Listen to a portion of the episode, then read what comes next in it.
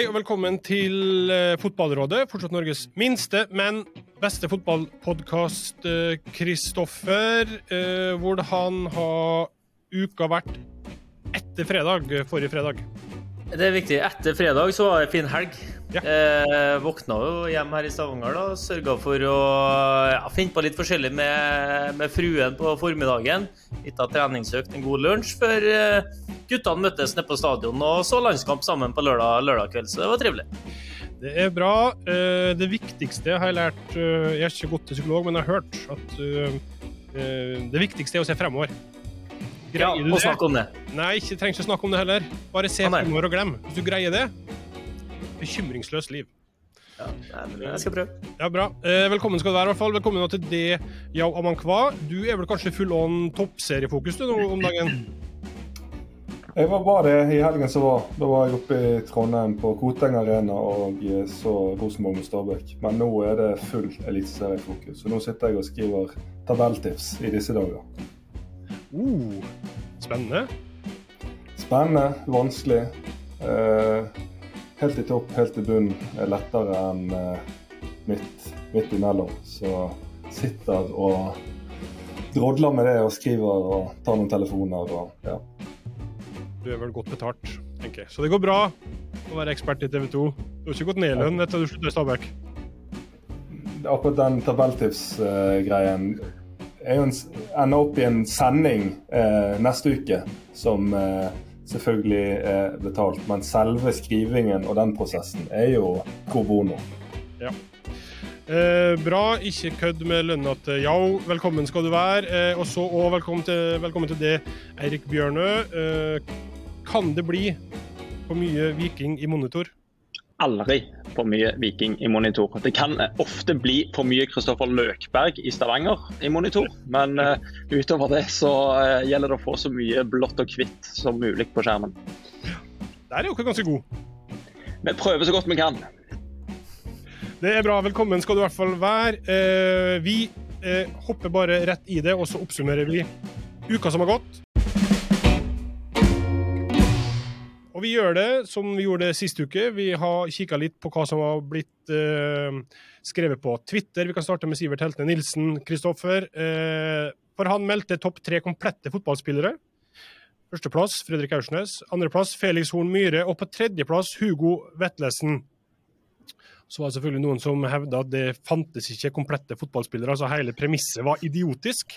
Men eh, hva syns du om lista? Nei, jeg skjønner hvor han vil hen. Eh, ser det noe likhetstrekk i de typene der? Eh, Horn Myhre er jo en eh, omdiskutert en, men jeg liker han òg, altså.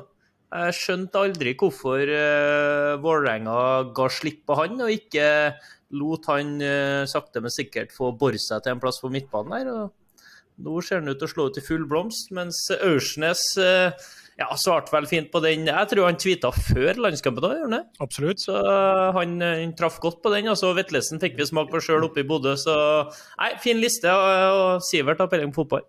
Hva syns du, Amankwa, om rangeringa? Jeg syns det er veldig gode fotballspillere. Så jeg jo, liker jeg at Sivert fortsatt som aktiv har inntatt en sånn PR- slash agentrolle for Aursnes. Og liksom legge, legge ut sånne jevnlige drypp. Og så så jeg han la ut etter landskampen som Aursnes var banens beste, eller i hvert fall Norges beste i. Eh, godt å se at er mange som er nyforelsket i Aursnes eller noe sånt. Mm. Så han, eh, han Jeg tror han kan gå inn i en sånn eh, PR-jobb for fotballspillere etter karrieren, for den gjør han veldig, veldig godt. Eh, bra. Har du skal få slippe du, Erik, for du skal få neste. Fordi Kjetil Bakke, som er styremedlem i Blåhvalene, han tvitra ha-ha, nå blir det Baluba i Sandefjord. Federico Bicoro, som Bugge sa senest i går, var ute med en dyp strekkskade i tre måneder, har spilt og skåra for Ekvatorial Guinea i kveld. Hadde du vært eh, borti at spillere som har vært skada for klubblag, har plutselig dukka opp og spilt på landslag? Ja, det der er en kjent problemstilling, og Du skal ikke se vekk ifra at i Premier League neste helg så får vi en lignende situasjon eh, med Erling Braut Haaland. Så, så jeg tror at eh, Bugge har vel bare vært eh, blitt offer for eh, et, et stort og, og anerkjent landslag sitt, eh, sitt skitne spill her. Men eh, eh, har man opplevd, eh, kanskje ikke akkurat det her, da, men eh, tilsvarende eh, eller lignende der eh, dere gjerne skulle kanskje hatt dem hjem fra en samling, at det har vært noe skade eller et eller annet sånt, og så eh, har landslaget sine interesser, og så blir det en konflikt? Nei, altså nå har jo ikke vi vært bortskjemt med for mange landslagsspillere i Viking de siste årene. Så det er klart at eh, jeg tror ikke det er noen sånne, sånne konkrete episoder som jeg, som jeg, kommer på. Det er dessverre ikke der, så. Nei. Jeg satt, jeg satt, med Brekkalo etter den kampen oppe i, Bodø dagen derpå der, og han skulle jo på landslagssamling. Og da håndleddet, håndleddet var så vondt, han var helt ferdig, liksom. Han måtte ringe landslagssjefen, da og fortelle om det her. Og han måtte fære dit, selvfølgelig, for å sjekke og skanne. Men han var livredd, han måtte ringe landslagssjefen. Det var aldri noen som snakka med han, og han var the big, big boss. Jeg tok den telefonen, men jeg hørte aldri noe mer. Plutselig så vi at han kom inn etter fire minutter i første kamp. Skåra.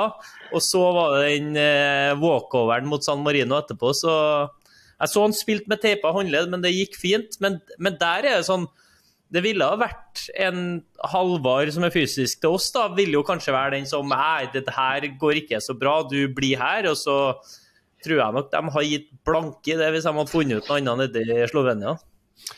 Eh, sånn er det. Eh, det var flere kontoer eh, ja, som meldte i løpet av uka at IFAB, det som da er organet som fastsetter spillereglene i fotball, de har kommet med nye regler for keepere i eh, straffesparksituasjoner. De trår i kraft 1.7. Eh, kort oppsummert, keeperne kan ikke røre stolper eller nett.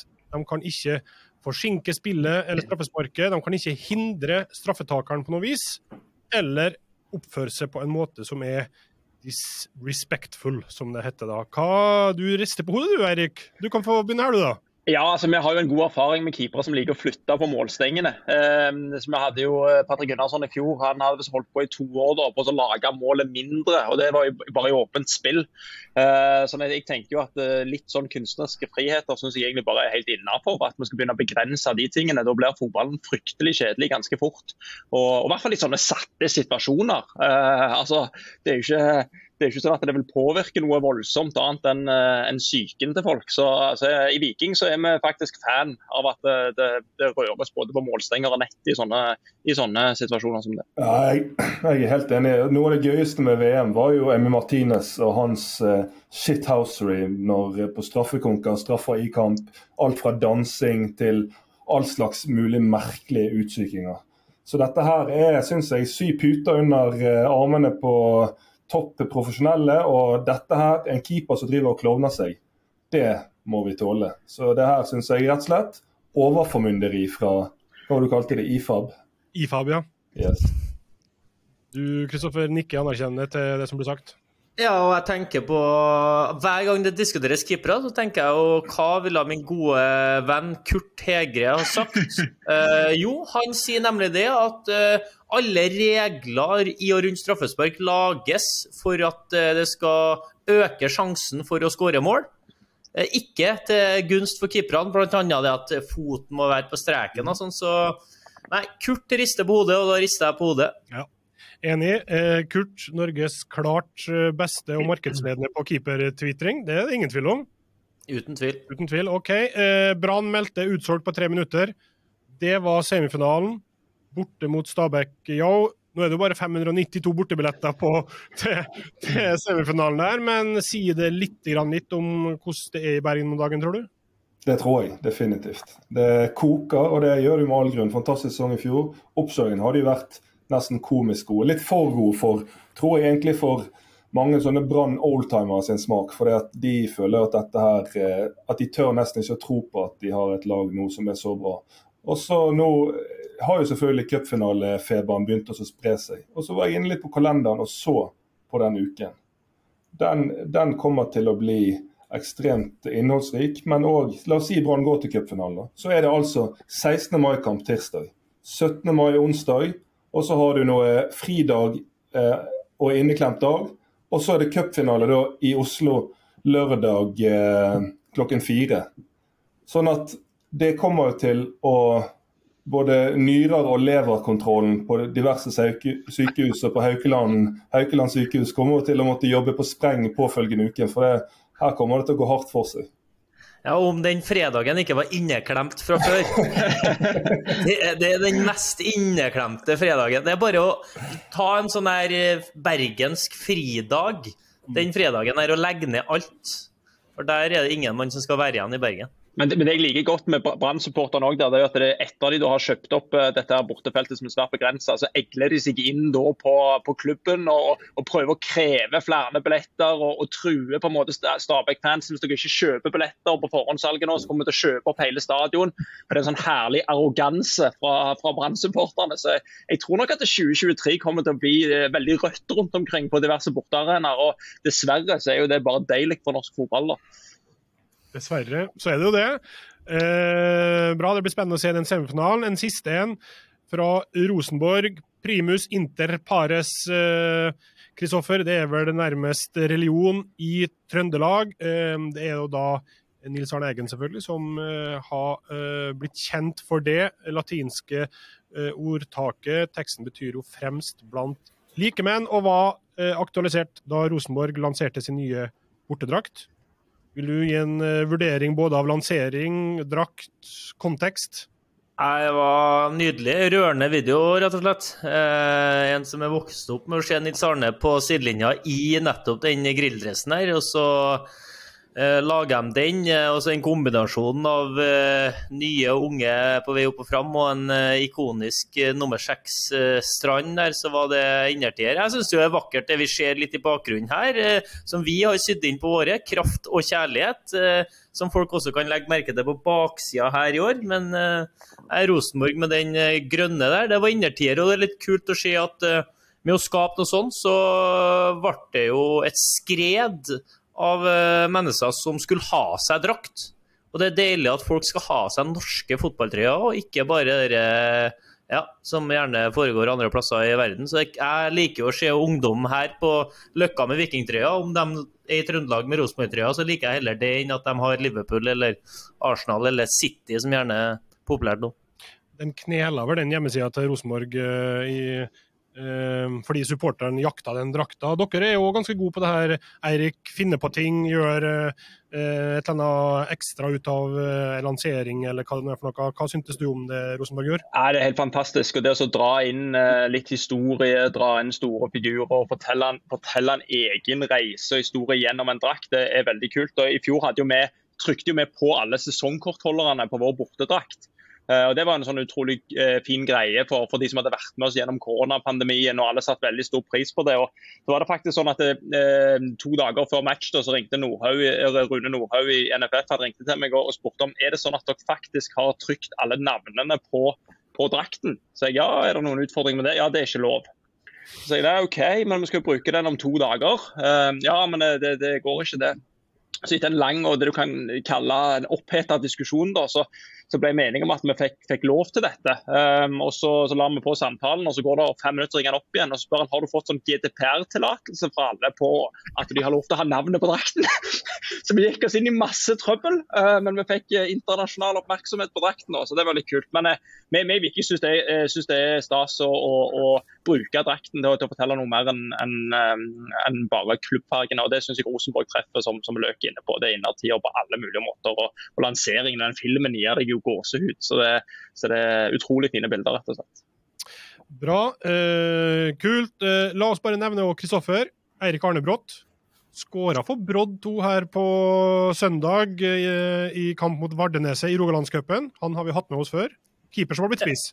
Og det er veldig viktig å ta med seg det at han, da han var med i poden, så var han fjerdedivisjonsspiss. Mm. Nå er han tredjedivisjonsspiss. Han har meldt overgang fra SIF til Brodd. Så han er på vei opp den uh, stigen i norsk uh, toppfotball. Ja, du sa det der, du bygde jo litt opp med stemmebruk, tonalitet, som vi sier i TV-språket. Han har tatt veien fra fjerdedivisjonsspiss, og når du da og så kommer tredjedivisjon. Jeg ble litt skuffet. Jeg trodde du skulle Nei. si Obos Elitse. Nei, for dem som, kjenner, dem som kjenner at det, det, følelsene bygger seg opp når man nevner Arne Brott og hans historie og hans deltakelse i podden, så er man, da begynner man å kjenne på forventningene til at den stigen akkurat bare starta. Skjønner, skjønner. Men Brodd 2 er vel ikke tredjedivisjon? Nei, men han, eh, Rogalandscupen er stort, vet du. Rogalandscupen er veldig stort, og Brodd 2 mot Vardeneset er jo skikkelig, skikkelig oppgjør. Og Brodd 2, da, som da er rangert i sjettedivisjon, eh, fikk da, da start kampen med to straffespark pga. divisjonsforskjellen mellom sjette og fjerde. Og tok seg derfor videre da, i Rogalandscupen, som sendes på Aftenbladet, som eh, finalen spilles ned på SR Bank Arena. Herlig. Gratulerer til eh, Eirik og eh, Brodd 2. Vi går videre. Ei ulykke kommer sjelden alene. Jeg har egentlig ikke en dritt å si. Jeg vet da faen. Men jeg har null tro på at det finnes en framtid i norsk fotball uten VAR. Det er jo dumt det jeg sier nå, men jeg sier det likevel. Jeg er Ole Sæter i Rosenborg. Eh, I en annen klubb så er jeg bare en jævlig god fotballspiller. Det vi skulle snakke mest om i dag, og derfor er dere her, er jo eh, hvordan man har organisert seg i norsk fotball med tanke på eierskap. Um, Leif Øverland sa uh, i det er vel et års tid siden eller sånn, at hvis man får inn eiere som kan denne næringen og har vilje til å investere i den, så skjønner jeg ikke at det skal være feil. Um, da ble det åpna for en diskusjon rundt eierskapsmodellen i norsk fotball. Kan ikke du, Eirik, bare helt kort, hvis det er mulig, redegjøre for den eierskapsmodellen? Er det vi kaller for dualmodellen?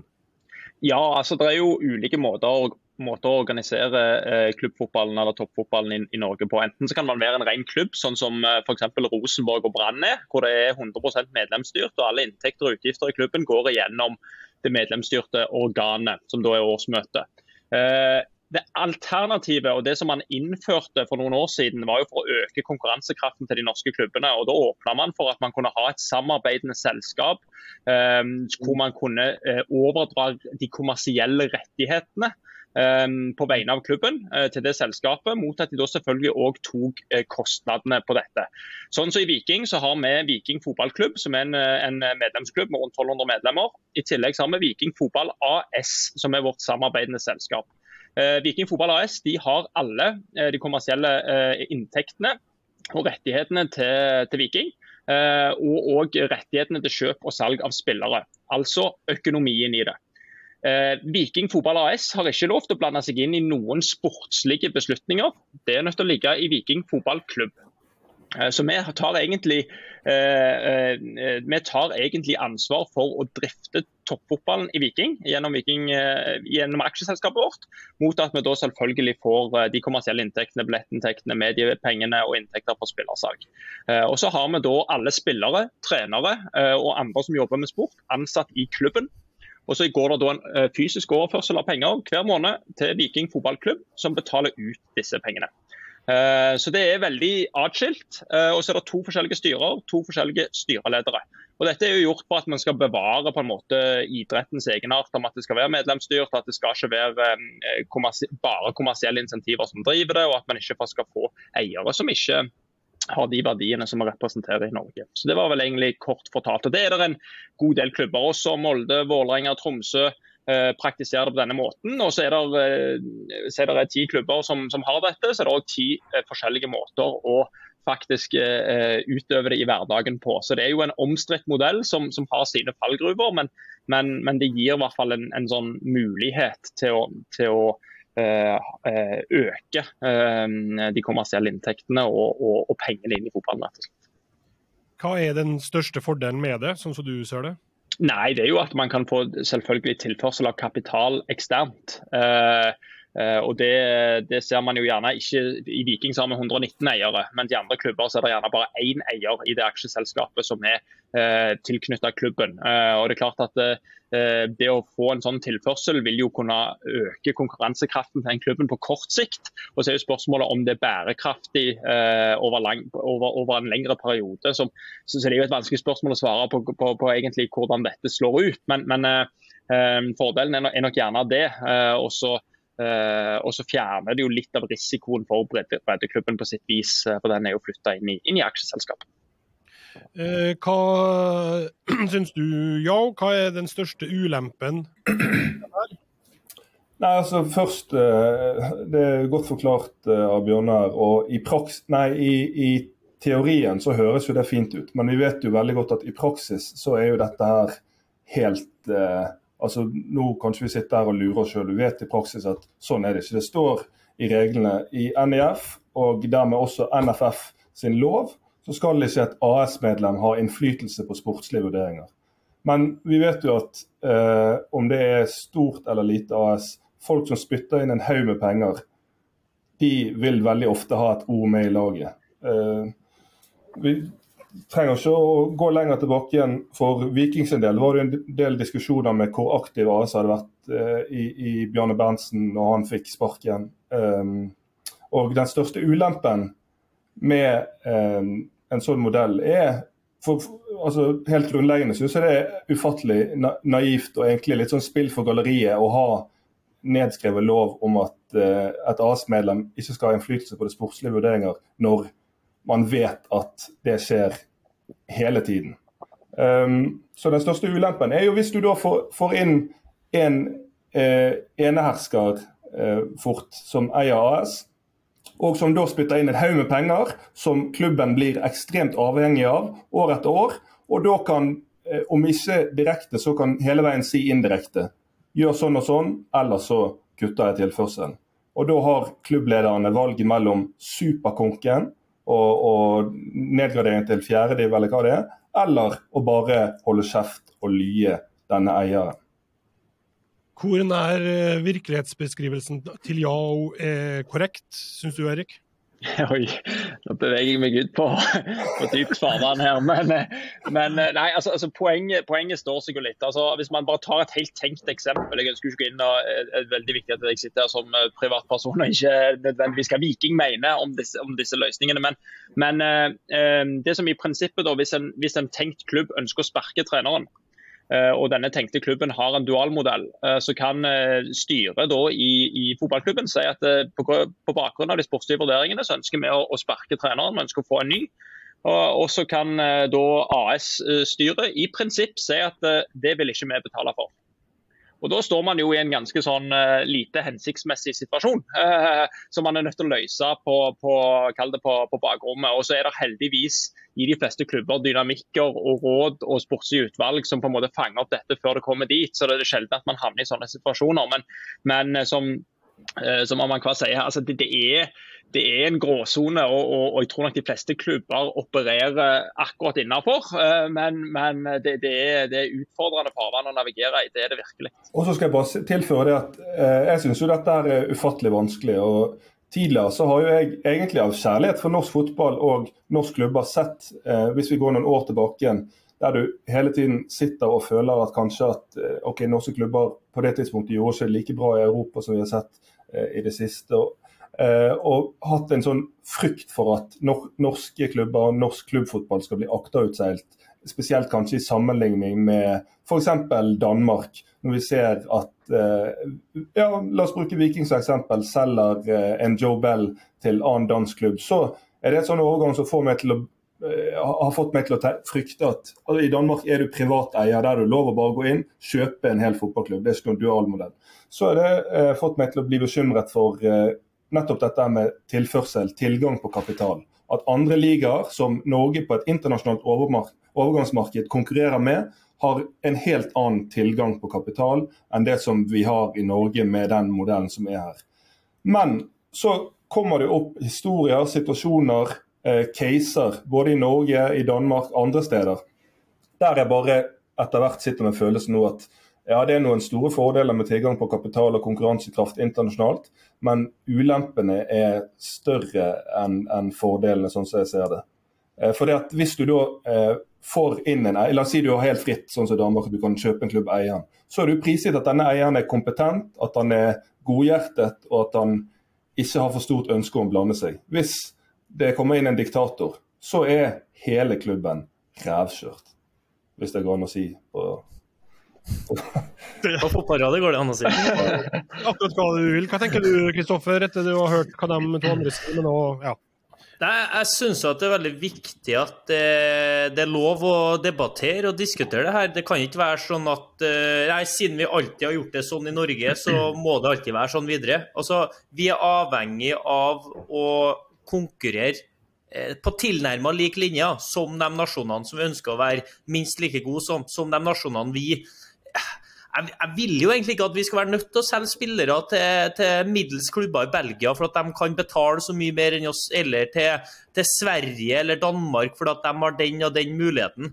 Jeg håper jo at vi på sikt i norsk fotball kan skape en liga som er så sterk, eh, både sportslig sett, men også økonomisk, at, at folk ønsker å være her, helt til det det store, store eh, sceneskiftet som venter i utlandet. Og Da må man jo finne ut av hvordan klarer man å tilføre kapital eh, uten at det altså, det, det, vil jo være sånn at, eh, sånn som Ljå sier, da, at man er jo prisgitt eh, hvilket menneske som spytter inn pengene her. Det er man jo litt også i den modellen vi har nå.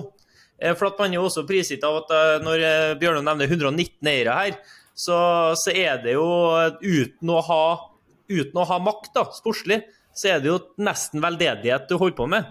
Så jeg, så jeg, forstår jo at et menneske som skal være villig til å virkelig være med og spytte inn og satse, har lyst til å ha påvirkningskraft på en måte òg.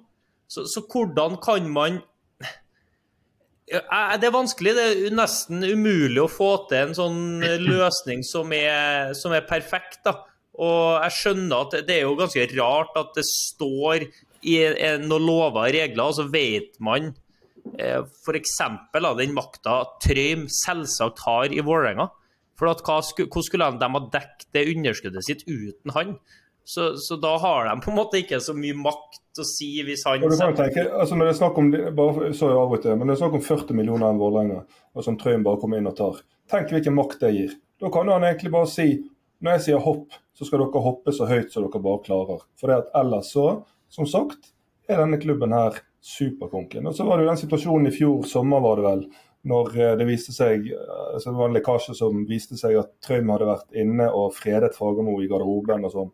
Og at det er jo en klar overtredelse av disse reglene som vi nevnte tidligere, og at Trøim gikk ut og beklaget eh, dette her. Og så husker jeg leste han Morten P skrev en kronikk på dette, her, at Vålerenga hadde vært lyn om det ikke var for hovedaksjonær og klubbeier Tor Olav Trøim. Eh, han har ingenting å beklage etter garderobepraten på Intility Arena.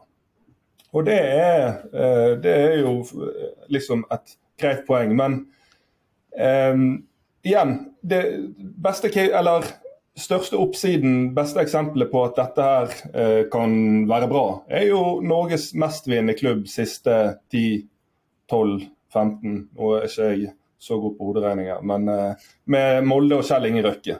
Da har du fått inn en som har uhorvelige mengder kapital, og virker noenlunde fornuftig i delegeringen av ansvar. og eh, skjønner kanskje at han ikke kan fotball eh, sånn ekstremt godt, og delegerer det ansvaret videre til utrolig kompetente. Men så er det f.eks. eksempel fra Danmark, Esbjerg.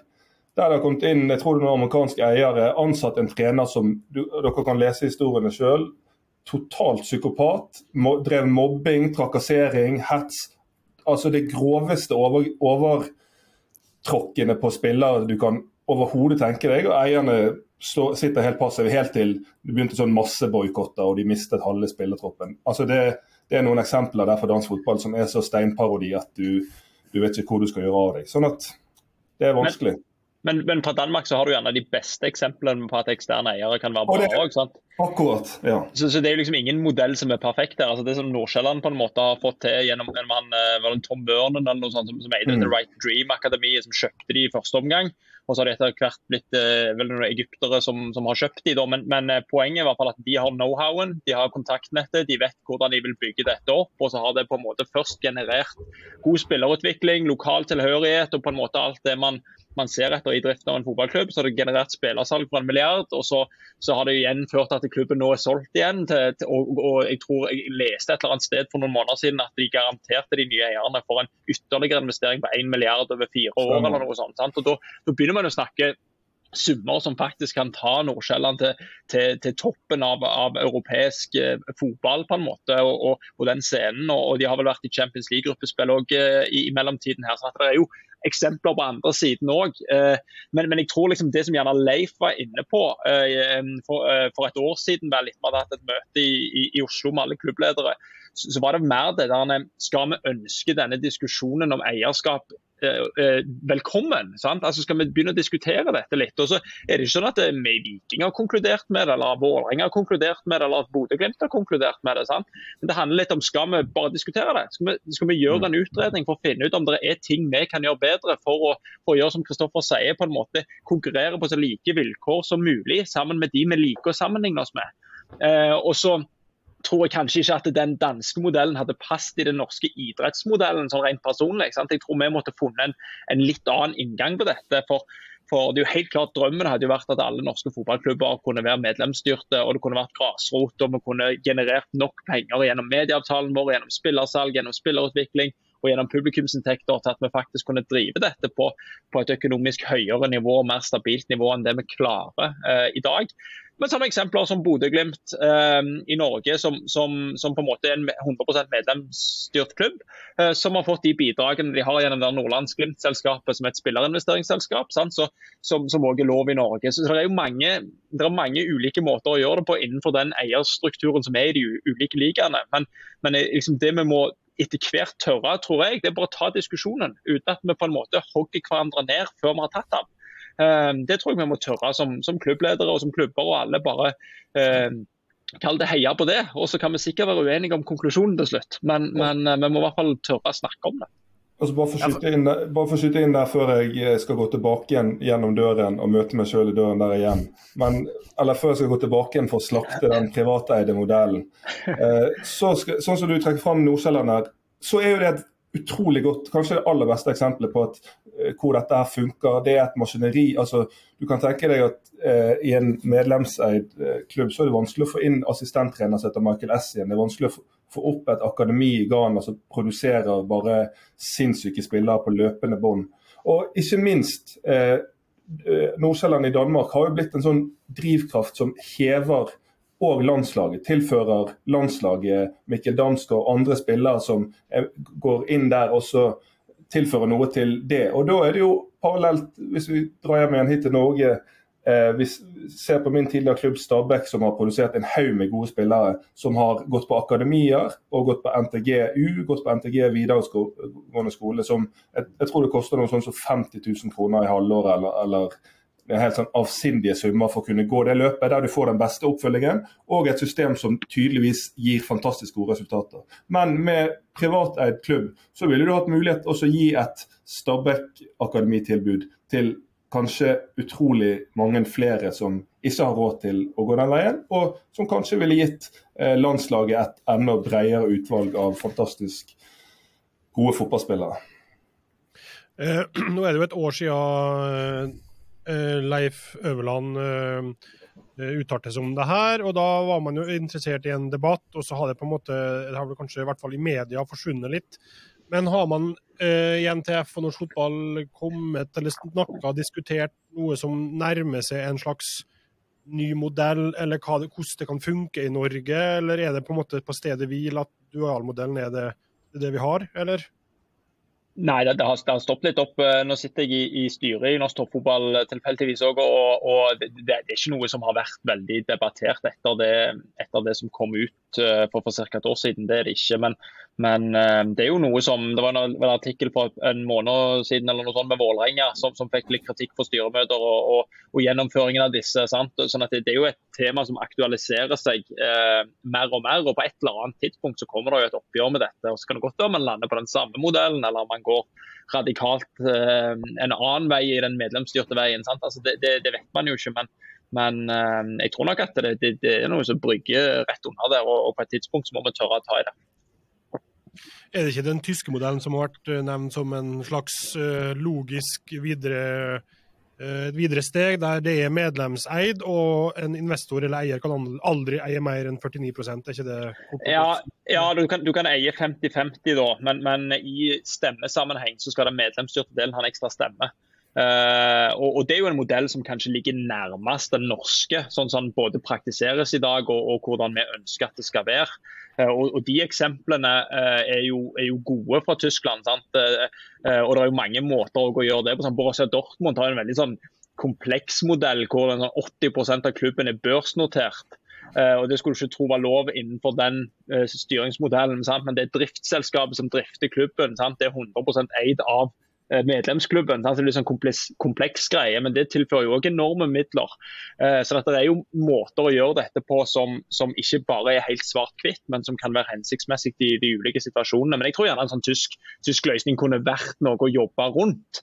Eh, for det, for det, er jo ingen tvil om at Tyskland har gjort noe riktig. Det er vel det landet i Europa med, med høyest tilskuersnitt og lavest priser. Så, så, det er jo noe sånn vi kan se etter, for det er det vi også strever for. Så, så det er ikke det er ikke enten 100% investoreid eller 100% medlemsstyrt som er veien hvis vi skal, hvis vi skal tørre å diskutere en, en endring av, av, hva som er lov. Og så betyr ikke at fordi noe er lov at alle må gjøre det. Sant? Det er jo òg viktig å ha med seg.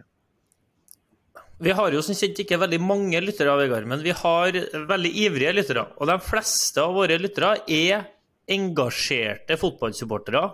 Så med en gang den diskusjonen her kommer opp, så er de, vet jeg, de er livredde for å miste sin påvirkningskraft og sin mulighet.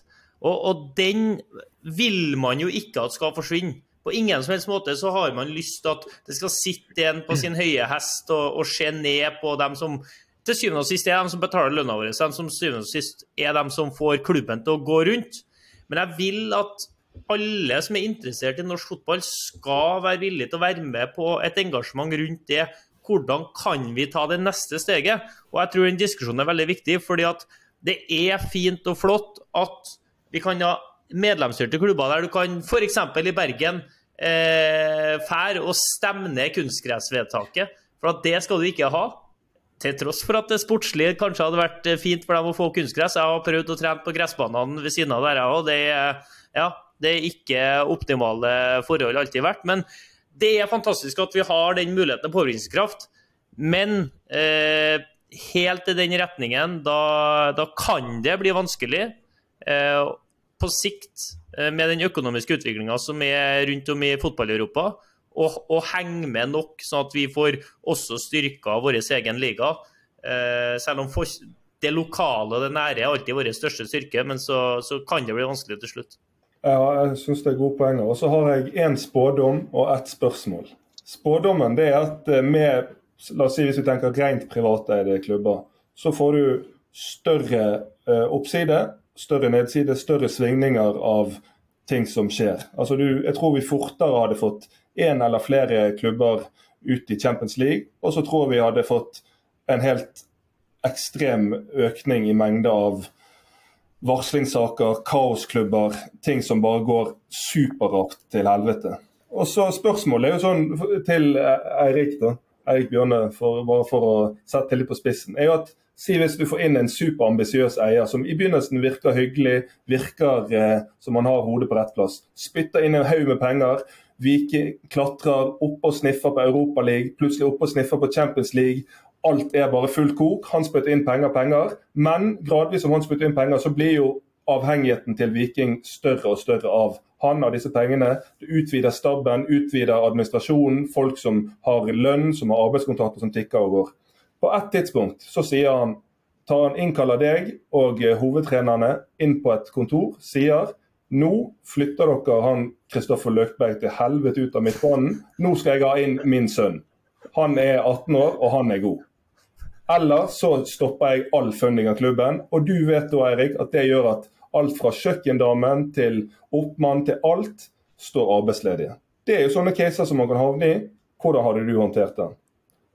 akkurat med å flytte Kristoffer Løkberg ut av laget. Det er vel gjerne det er jo det som er i ferd med å skje, jo. Så det er jo ja, Det må jeg glede for egentlig alle som jobber i Viking.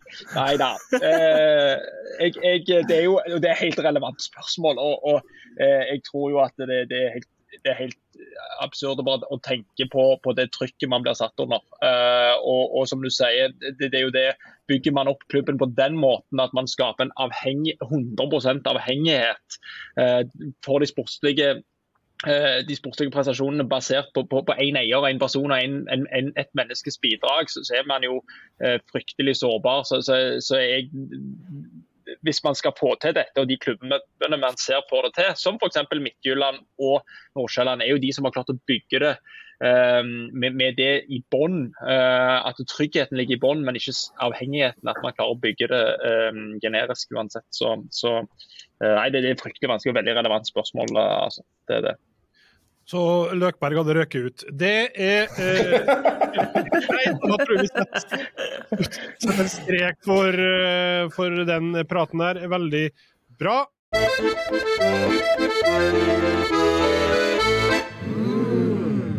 Så til en av ukens eh, faste spalter, eh, for da kommer Kristoffer inn igjen på løkens løksuppe.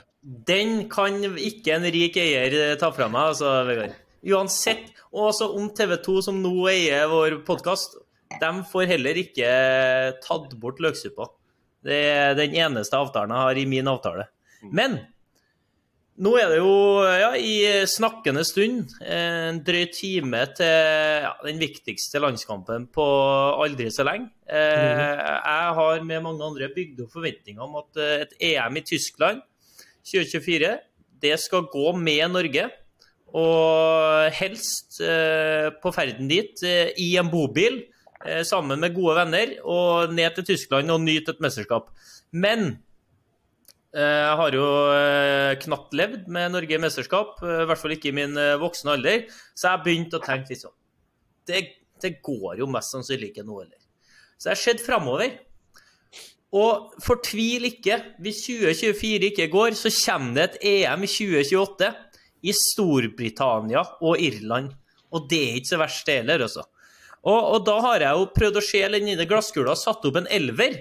Akkurat. For her er elveren vi kan stille i 2028. Altså, Vi kan jo ta start med at vi har Haaland på sin peak 27 år. Erling Haaland. Martin Ødegaard 29 år. Altså, det, det, høres ut for meg at det er enda bedre fotballspillere i dag. Så krydrer vi jo med Ljå sin venn, da. Nusa. Han tar en kantplass, selvfølgelig. 23 år da blitt. Eh, motsatt kant. Skjeldrup. Vi har, det er OK angrepsrekke. Nusa, Haaland, Skjeldrup. Ser inn i glasskula. Eh, Ørsnes, da. 32 bare. 32 spiller fortsatt. Eh, Ødegaard, da, indreløper. Starter i feil ende her, men har vært ivrig med den frontrekka. Sistemann på midten Ny eh, spillfyrer sentralt, eh, Sivert Mannsverk. Blitt 26, kommet seg ut til store utland. Helt King Kong på den dype midtbaneplassen med Aursnes og Ødegaard som indreløpere. Eh, Høyreback eh, Holmgred Pedersen, kun 27. Enda kun 27 når vi kommer dit. Østigård eh, stopper, bare 28 år. Så kommer det litt en ny mann inn. Venstrebeint midtstopper, det liker vi godt. Leo Gjelde. Kun 24 år blitt da. Og venstreback, bergenser David Wolfe. Altså, jeg så David Wolfe ned her for U21-landslaget på SR Bank Arena. Han blir snart solgt til utlandet og får en, en, en fin karriere der, altså. Det, det, er ikke så verst, det. Og keeperplassen, eh, Mats Hedenstad Christiansen, kun blitt 27 år og, og står ute i Europa.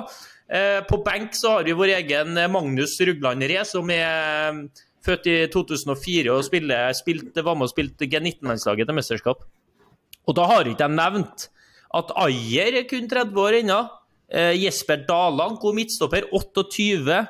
Eh, Sander Berge, bare 30. Så om det skulle bli tap om en times tid, og vi heller ikke skal til Tyskland, så kan det lykkes. Det kan lykkes i 2028. Tenk at vi skal begynne å glede oss til, eh, til EM i 2028 allerede. Eh, helt kjapt, eh, Amankwa. Hørtes det ut som et fornuftig lag? Vi får ikke elleve nye spillere, det har vi ikke tid til. Altså. Jeg eh, syns det høres utrolig, et, et, utrolig sexy lag. Jeg får nesten tårer i øynene av å tenke på det. Og så får jeg òg tårer i øynene av å tenke på at når den tid kommer, så er jo du kanskje gått bort ved en naturlig død, Vegard. så det ble ikke noe mesterskap på Vegard? Nei, han syns at det blir et bra lag, det er det. Men vi må jo kanskje forskuttere med hvem som får nyte det laget. Nei, det er korrekt. Tårer i øye av den grunn òg.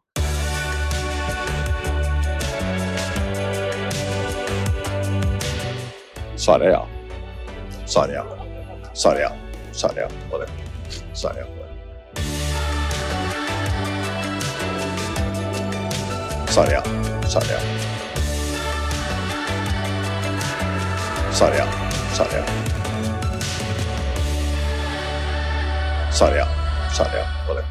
Svaret er på det. Vi tar noen lytterspørsmål. Kasper spør Kristoffer eh, morsomste øvelse på styrkerommet. Å, herre. Eh, nei, det var for å se at se han prøver å Vi har en sånn ball, dere husker det der eh, ikoniske Ronaldo-målet, når han hopper opp og Jeg vet ikke hvor høyt han henger på bildet. Vi har en ball som henger i taket på den, eh, den høyden, eh, der du kan på en måte gjenskape hans leap. Eh, og det er vel artigste øvelsen å se når de som ikke har selvinnsikt nok til å forstå at den ballen treffer dem ikke, fortsatt prøver. Eh, Slatko Tripic. eh, Emil eh, Nikkelsen ender Brann over Rosenborg på tabellen, yo. Oh. Jeg har ikke lyst til å avsløre før tabelltipset som kommer neste uke med egen sending på TV 2. Men det her er det fin finregning som må til. Ehm, bare vent og se. Okay. Bare vent og se. Eh, samme Emil spør eh, Eirik hvorfor har Viking kunstgress når det er blant de beste stedene i Norge for å ha naturgress. Og vi trenger ikke hele hi- kunstgresshistorie her, men Nei, den har jeg vært ute og hatt med Ståle Solbakken i media x antall ganger, så jeg skal ikke ta den. Men eh, vi trenger at lagene våre skal få trene på kveldstid, rett og slett. økonomi. Eh, Kalsius spør hvem er best trent av deg og Løkberg, Eirik Bjørne? Er det et spørsmål? ja. Nei, det er meg, ja. Og det, men der må jeg skyte inn, det kommer jo helt, altså det der er jo altfor bredt spørsmål. Går det på kondisjon, utholdenhet, så vil jeg kanskje tippe Løken. Går det på estetikk og muskulatur, så er jo ikke det en diskusjon engang. Da er det jo Bjørne. Har, har estetikk noe med best å gjøre? Best trent, hvis du, for alle som ikke er uh, idrettsutøver, så er det jo når du tenker at jeg vil bli godt trent, så er det jo fordi du vil se bra ut på stranden. Det er korrekt. Og da er estetikk en avgjørende faktor, vil jeg si. Har du noe du vil innvende her, Kristoffer? Egentlig ikke. Nei, men jeg, jeg begynner å lure på hvem er den, liksom, den best trente daglige lederen, da? Eh, altså, et Bjørne, ta Bjørne skiløper Berdal f.eks. I, en, eh, i en joggetur fra SR-Bank til Haugesund? Jeg er litt usikker. Interessant eh, duell. Det det høres ut som Viking har en god SoMe-idé til seinere Eller til seriestart, kanskje? Det er jo ikke lenge til det. Nei, møtes jo der, Ja. de daglige lederne. Eh, ja, det her òg fra Eidaveide, kan jo det betyr. Skårer ÅFK over 25 mål i år. Ja, hvis han eh, Atanga er like god som han var i Danmark, så blir ikke det noe problem overhodet. Eh, og så, Olav, du kan få ta den her, Kristoffer. Hva tenker dere eller du om eh, Janne Andersson sitt raseriutbrudd mot Bojan Djordjic?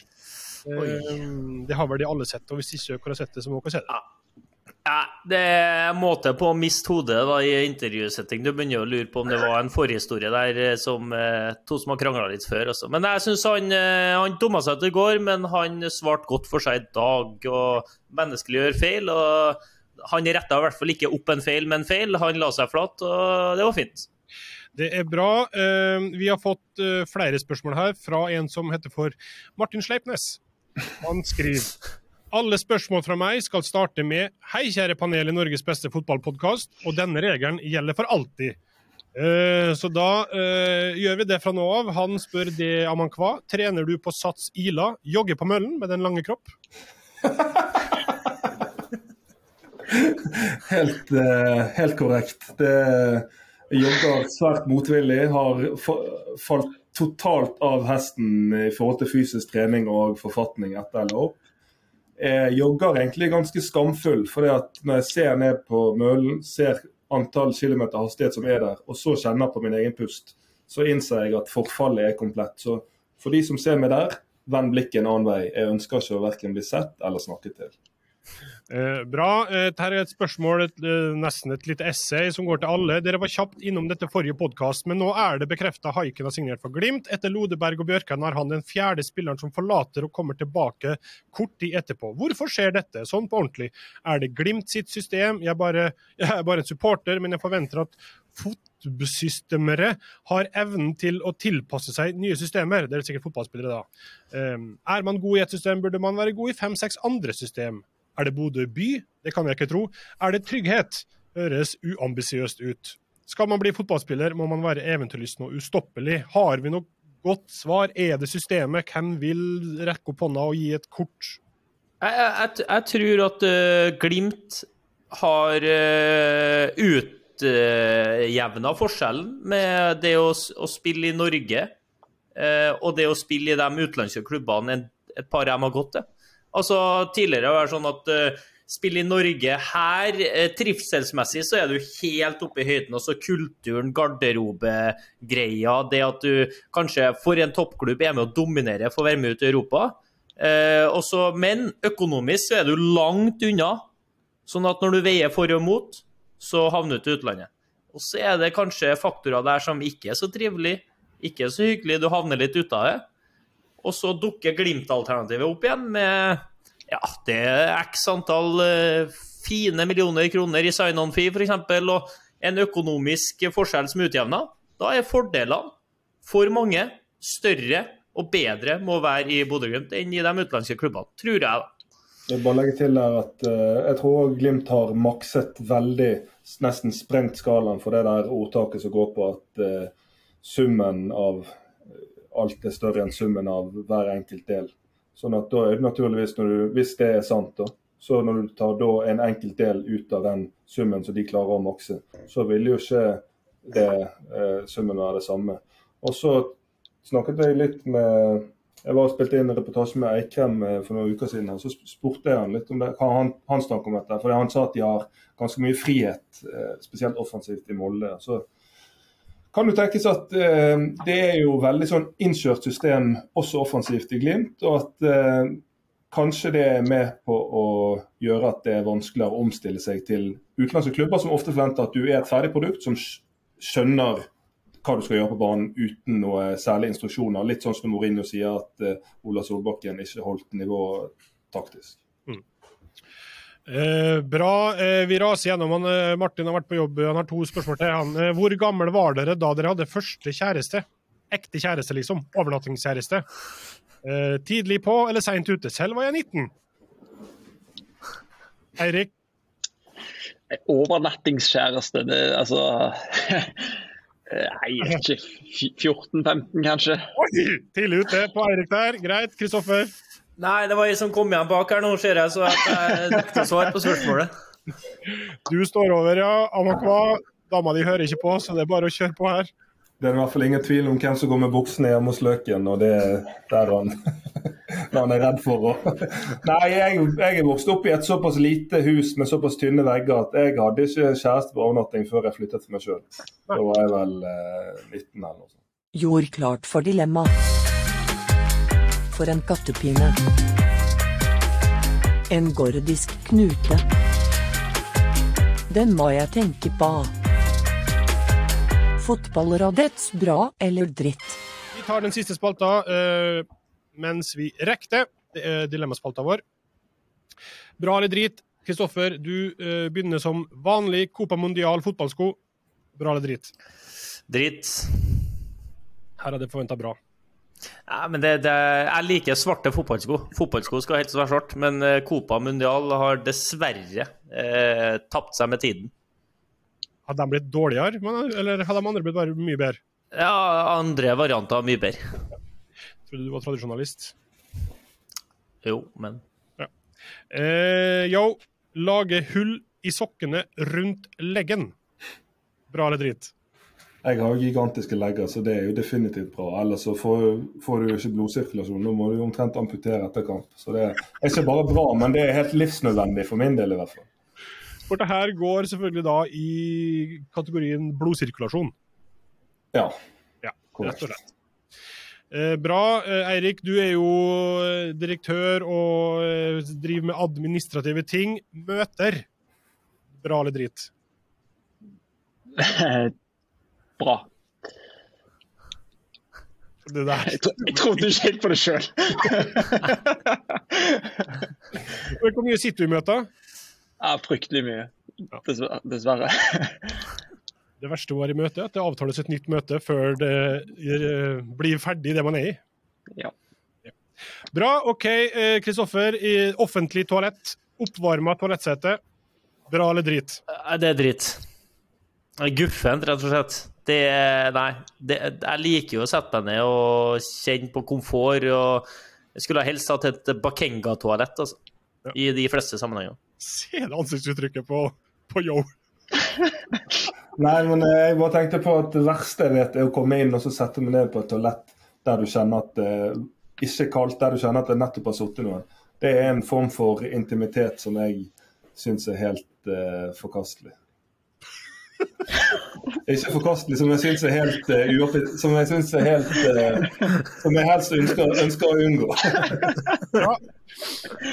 Bra. Uh, siste til det, ja. Eh, å kommentere sammen med eh, Endre Olav Osnes etter at han har tatt av seg til baris. Bra eller dritt? Ufattelig bra. Utenomjordisk bra, vil jeg si. For en, for en mann. Litt kontekst. Eh, Du la ut et bilde fra serieåpninga i helga. Endre Olav bakfra i baris. Og det var jo fordi vi var på Koteng Arena. Hele publikum sitter i skyggen. Vi sitter i sinnssyk sol inne på en sånn bu med vinduer stengt og sånn. Sitter bare steiket. Etter, altså Når vi kommer ut av avspark, er vi så varm at han til slutt må flekke av seg eh, og sitter i baris. Blir tatt noen bilder da, spesielt kanskje med tanke altså blir tatt noen bilder der du ser han i kommentatorbuen sitte i baris som tatt ut av kontekst ikke ser bra ut, men eh, der og da var helt riktig. Han er jo en flott mann. Eh, vår felles eh, prestevenn Endre Olav. Det er det ingen tvil om. Det er Norges mest sexy prest. Og kanskje Norges best trente prest. Ja, det tror jeg òg. Et siste til det, Eirik. Altså, jo, du må vurdere for din del dette her, da. Å anlegge skjegg. Bra eller drit? Det er dritt. Hvordan hadde det gått hvis du hadde gitt en måned? Nei, det hadde ikke vært bra i det hele tatt. Faktisk. Det hadde ikke vært så tett og fint som Løkberg sitt, så Det November, det står du over? Ja, 100% Det er nesten frekt å anta at du ikke har skjeggvekst, men det, det Står godt i det. Nei, men det er bra. OK, eh, vi skal runde av. Kristoffer, hva bringer helga di? Det bringer en treningskamp, en eh, generalprøve, som alltid, mot eh, Haugesund. Det er bra. En treningskamp som betyr litt. Uh, Ja, hva du skal i helga? Uh, helgen eh, da, Jeg har Deadland Day-sending natt til lørdag, så det blir veldig spennende. Inntil videre så virker det som uh, Nå begynner det å komme veldig mye fornuftige folk inn i de norske klubbene. En av de sitter jo her, og det virker som folk har planlagt godt på forhånd. Har en strategi som er tydeligere, som gjør at det eh, til ulempe for kanskje for den sendingen ikke er like kokende desperasjon på siste dagen, men det kommer alltid noe som skjer. Du Eirik, skal du bidra i eh, sendinga på overgangsmarkedet, eller ved å forklare hvordan vinduet har vært på Viking? Ja, altså Jeg oppfatter vel det som en invitasjon der, så det er bare å ringe. Eh, Men eh, vi tar nok ikke helt helg før det, før det går mot kveld på fredag. Og så er det, og så er det treningskamp mot Haugesund som vi gleder oss til. Det er bra. Eh, tusen takk til alle tre for at dere var med. Vi høres vel igjen om ei uke, Kristoffer? Absolutt.